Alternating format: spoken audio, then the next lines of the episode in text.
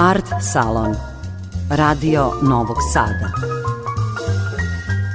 Umetničke ideje, mišljenja, kretanja i poetike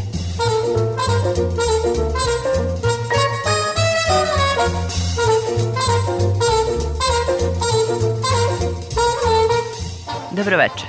Ja sam Tatjana Novčić-Matiljević. Počinje Art Salon, emisija prvog programa radija Radio Televizije Vojvodine za kulturu. Večerašnja tema je prevođenje, konkretno poezije. To je bila i tema susreta u organizaciji Unika na sajmu knjiga u Novom Sadu. Učesnici skupa bili su prevoditeljka Nikolina Zabenica, pesnik i prevodilac Stevan Bradić i Dejan Matić, pesnik i jedan od osnivača izdavačke kuće Treći trg, koja se u našem književnom životu profilisala kao respektabilna adresa za dobru domaću i prevedenu poeziju.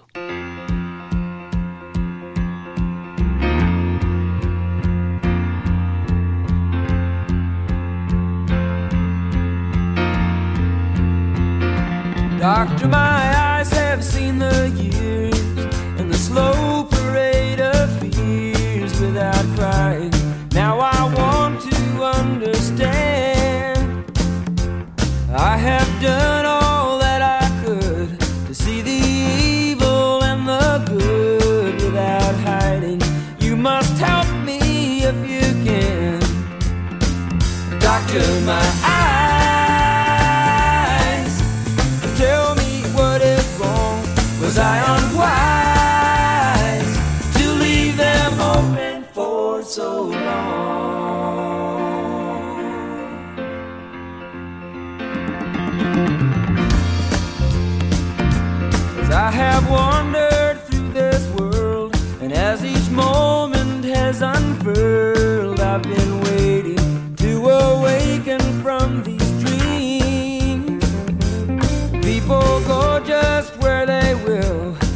never noticed them until I got this feeling that it's later than it seems.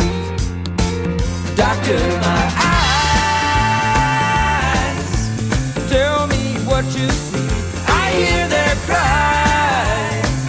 Just say if it's too late for me.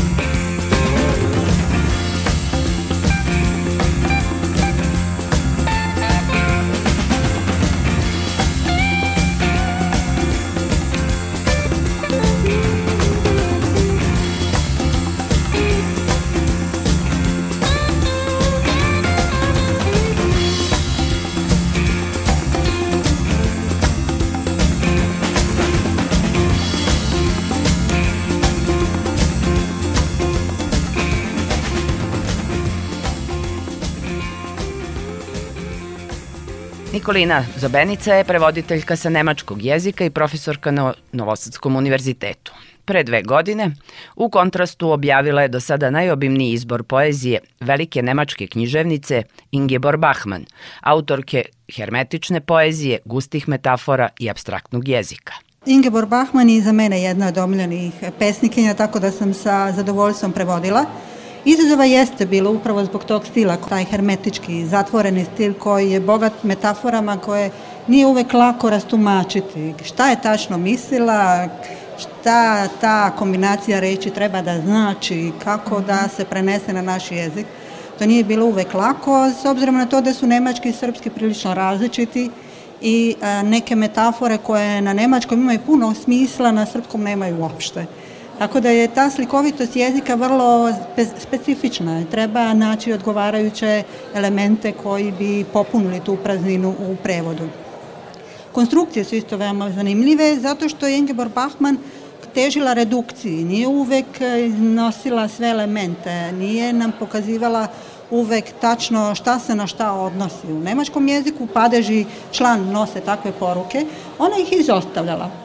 I onda treba razmisliti i pogoditi, a šta je tačno htela ovim da kaže, Tako da je bilo potrebno dubljivanje u tekst i bilo je potrebno na neki način doneti odluke sa kojima se može živeti kasnije. Naravno da nijedan prevod nije savršen, ali prevodila se trudi u tom trenutku da da najbolje što može sa svojim preznanjem, znanjem, iskustvom, pa šta bude, nadamo se najboljem da jeste. Uvijek mi je drago da čujem da se nekome dopao prevod, onda se nadam da sam dobro obavila da. posao. Da. Možda bi neki put bilo bolje, ali dobro. Isto tako, kod Ingeborg Bachmann je problematična i njena igra sa rodom. Ona je mnoge pesme pisala u muškom rodu. Na neki način je smatrala da je imala nekakvu potrebu i nagon da piše u muškom rodu. E sada, kada ona piše u muškom rodu, kada piše lično, s obzirom da je to izbor pesama kroz različite periode, nije bilo lako pogoditi, pogotovo što nemački ne nosi uvek podatke o rodu kao, kod, kao u srpskom, na primjer u perfektu i slične stvari. Tako da je tu bilo isto prilično nagađanja kada i kako postaviti muško, kada žensko, ali nekako to opet bilo u stilu Ingeborg Bachmann. Ona je tako pisala. Pisala je poslije jedan roman u kome imamo dva glasa, muški i ženski, malina. Tako da nekako na kraju je ipak zbirka bila u njenom duhu i muško i žensko, dakle u smislu da je intelektualni deo bio prisutan jer ona je tako posmatrala muško i žensko, muško kao predstavnik intelektualizma, kao predstavnik savremenog društva, materialističkog, racionalističkog, dok je ženska ona kreativna snaga, kreativni pokretač, tako da je ona u sebi kao filozofska pesnikinja imala oboje. Ona je bila intelektualka, ali bila je strašno emotivna i to je nastojala da poveže u svojoj poeziji i da iskaže oba svoja bića na neki način u svom stvaralaštvu. Zabenica je tim izborom demantovala tumačenja koja su poeziju Bahmanove situirala u lezbijsku. Ono što znamo je o njenom privatnom životu govori suprotno, da je ona volela žene, znali bismo iz njene biografije, onda bi i bilo smisla, imalo bi smisla da se tako prevodi. Ali ona je bila nesrećno zaljubljena i Paula Celana i Maksa Friša, tako da to nije adekvatan e, jednostavno način posmatranja njene poezije. Prosto ne radi se o tome da li hoćemo ili nećemo nešto da priznamo, nego nema razloga da prihvatimo da je to lezbijska poezija, jer nije. Prosto ona nije bila takva. Stevan Bradić, pesnik, prevodi američke i pesnike engleskog jezika. Prevođenjem proverava i sobstvene autorske potencijale. Prevodio sam američke pesnike, ali to je vezano za temat koji sam uradio za Rizon. Ja sam počeo da prevodim poeziju mnogo pre toga. Recimo da sam počeo da, da, da objavljujem svoje prevode u Zlatnoj gredi i u tom kontekstu i neki od najdražih pesnika recimo iz tog pesnika koje sam prevodio u tom kontekstu bi verovatno bio Paul Muldoon, on je britansko-irski pesnik, odnosno irski pesnik, mislim da bi se možda, da bi imao problem sa time da ga, da ga de, deklarišemo kao britanskog, mislim da je odbio čak da bude uvršten u neke izbore britanske poezije. Douglas Dunn, to je jedan škotski pesnik. Christopher Reed, on je bio u Novom Sadu, vrlo zanimljiv pesnik, koji razlaže, tako da kažemo, čulnost u samoj poeziji, ima pesme čokolada, espresso i potpuno nas uvlači u taj nadražaj koji nije ni vizuelan, nije ni auditivan, već je, ne znam, gustativni.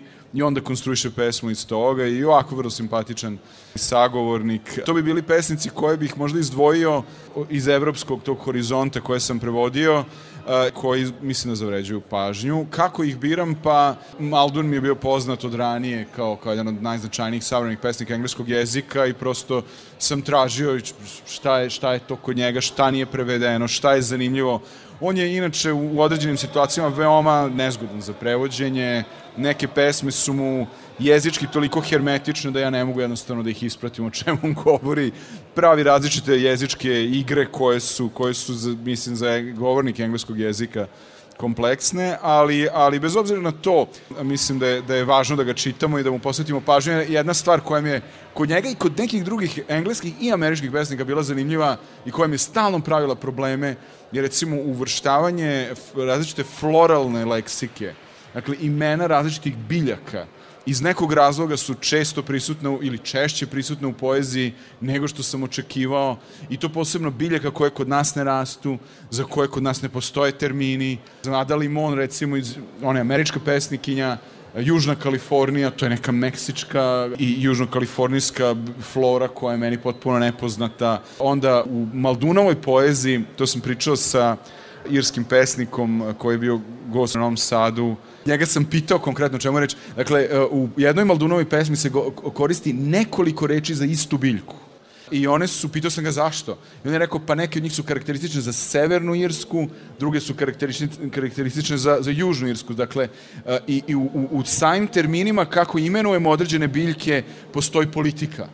Dakle, taj sukob koji se odigrao u Severnoj Irskoj, kako ja sad mogu da znam da se to baš vezuje za tu konkretnu biljku. Tako da, to su bili, bili problemi ili ne, ne, ne, nako, šta je znam, kad nađete rešenje neko, ste, onda ste srećni što ste uspeli da ga, da ga rešite, ali odgovor u izraznom smislu o tome kako biram pesnike, pa čitam poeziju i ka, ono što mi se učini interesantnim, što pomislim, ovo bi bilo recimo zanimljivo za naš kontekst, da se prevede i ono što meni lično učini mi se kao, e, ovo bih ja voleo da, voleo bih da prođem kroz ovo jezički. Zato što ja i sam pišem poeziju i svako prevođenje poezije u tom smislu mi je neka vrsta škole pisanja poezije. I onda prolazim kroz metafore, prolazim kroz sintaksu, prolazim kroz slike i, i e, tako takođe biram koje bih pesnike preveo i pesnike takođe. Kentucky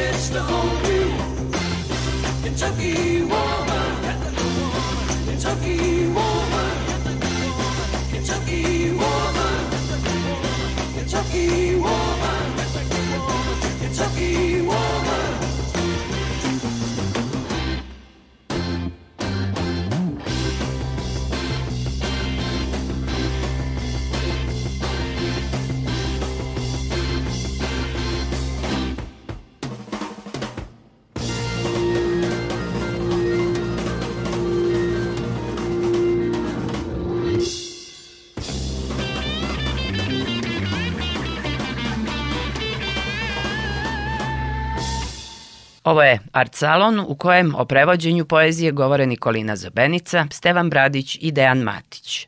Matić, pesnik i suosnivač izdavačke kuće Treći trg, kaže da u izboru naslova za prevođenje funkcionišu dva modela. Važna je saradnja sa prevodiocima s jedne strane.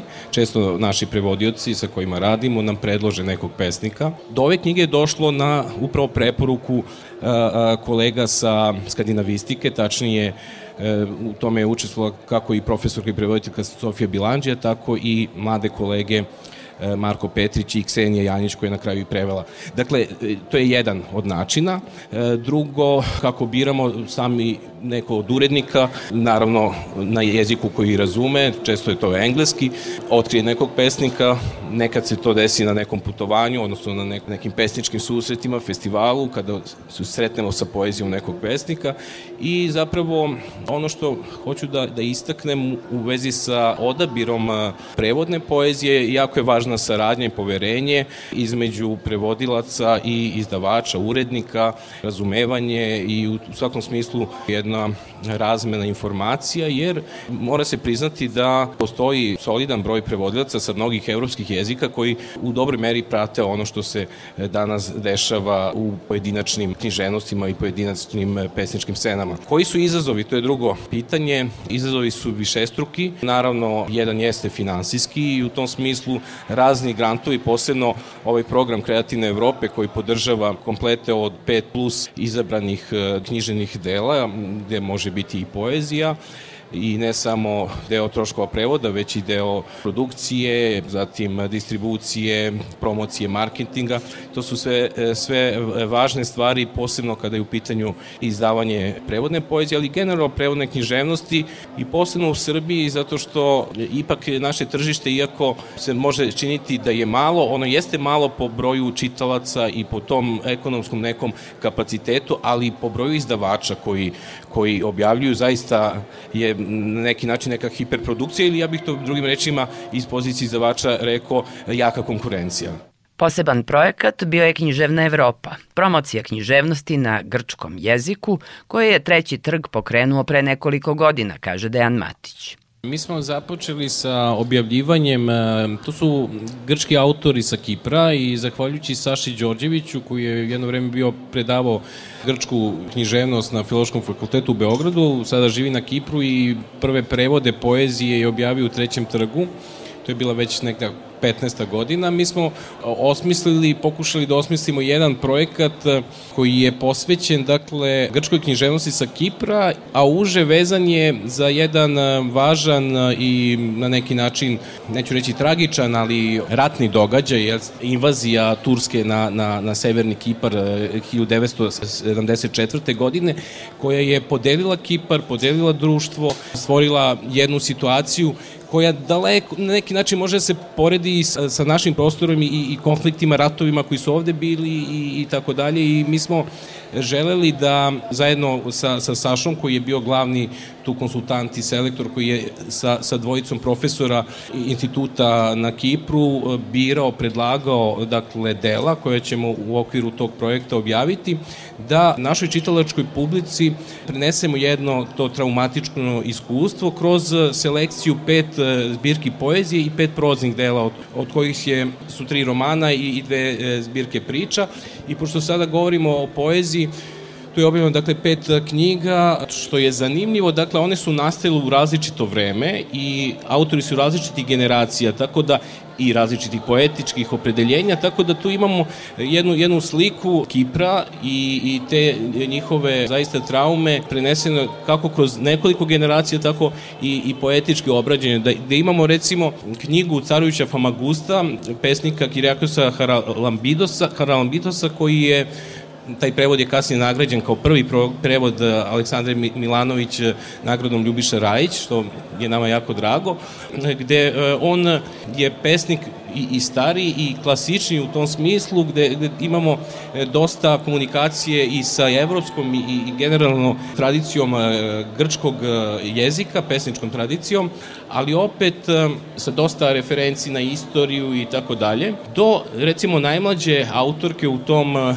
korpusu tog projekta Stele Voskaridu ikonomu sa zbirkom Plaš, što je igra reči u fob u smislu i strah, skraćeno od strah, plaš, gde je jedna zapravo kraća poema koja ima dosta elemenata dramskog teksta i gde se zapravo, 82. godišnje, na primjer, ona nije bila rođena kada se to dogodila, taj rat ovaj, Turske i Kipra, gde imamo neku vrstu nasleđene traume kroz generaciju i gde imamo jedan pomalo i nadrealistički i momente absurda i s druge strane e, težnju ka stvaranju neologizama, što je poseban bio prevodilački problem za e, našu koleginicu Zorku Šljivančanin i sećam se anegdote da kada je Saša za, zajedno sa, na projektu je učestvovao četvoro prevodilaca, kada su raspoređivali knjige, bilo je procenjeno da je taj tekst najteže prevesti i Zorki su to dodelili zato što su imali e, opravdano najve, najviše poverenje u nju da će se izboriti kako sa neologizmima, tako sa vrlo specifičnim, mutnim, na momente vrlo mutnim e, jezikom i čestim igrama rečima koje zaista nije lako ovaj, prevesti. Smatram eh, da je književno prevođenje, bez obzira da ostavimo po strani ekonomske momente, poziciju generalno i prevodilačke profesije i izdavaštva i tako dalje, pa i posebno poezije, ne samo kod nas, nego generalno, ali da ja, ja to doživljam zapravo kao, kao e, knjiženo stvaranje. I ne samo prevođenje poezije, već i generalno prevođenje literature, zato što e, bez obzira na ta ograničenja koja daje original, prevodilac, prevoditeljka mora e, da oživi, da stvori to delo na nekom jeziku.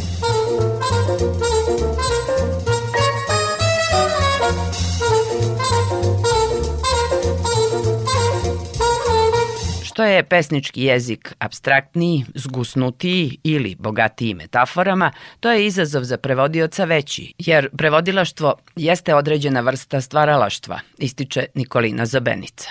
Prevođenje je negde između, rekla bih, prenošenja tuđega, jer ipak original jeste stran, nije originalno stvaralaštvo, nema originalnosti u tom smislu da ideja je ipak potekla od pesnika ili od autora. Međutim, u onom momentu kad prenosimo to na svoj jezik, tu ima ta stvaralačka nota stvaramo novi jezik, stvaramo novi tekst. Prevođenje jeste do nekle interpretacija, zato što kod svake, ne kod svake, ali kod mnogih reči postoji nekoliko mogućih značenja.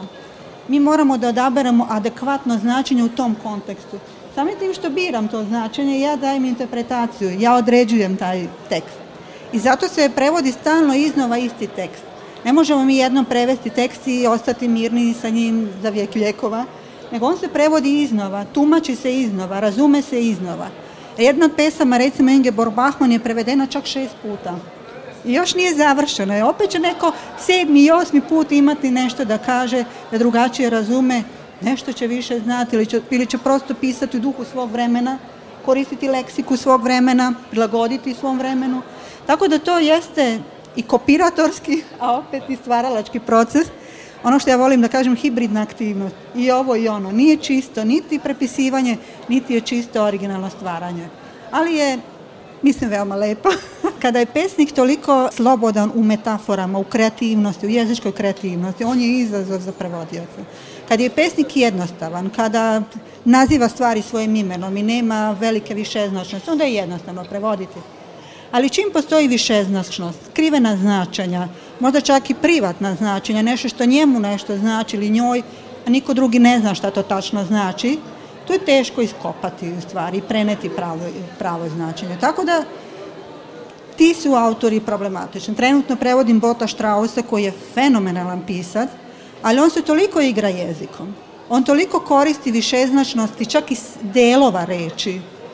Tako da, kad budem došla do konačne verzije, bit će to zaista mučno, ali on je divan. Mislim, što je autor veći, što je bolji, što je kreativniji, kao da je veći izazov za prevodilaca. Kako doći na taj nivo i preneti sve slojeve značenja, ispoštovati njegov talenat, njegovu veličinu, pa to je izazov definitivno. Bio je to art salon posvećen prevođenju poezije. Narednog utorka nove priče o umetničkim idejama i praksama. Laku noć, želim vam Tatjana Novčić-Matijević.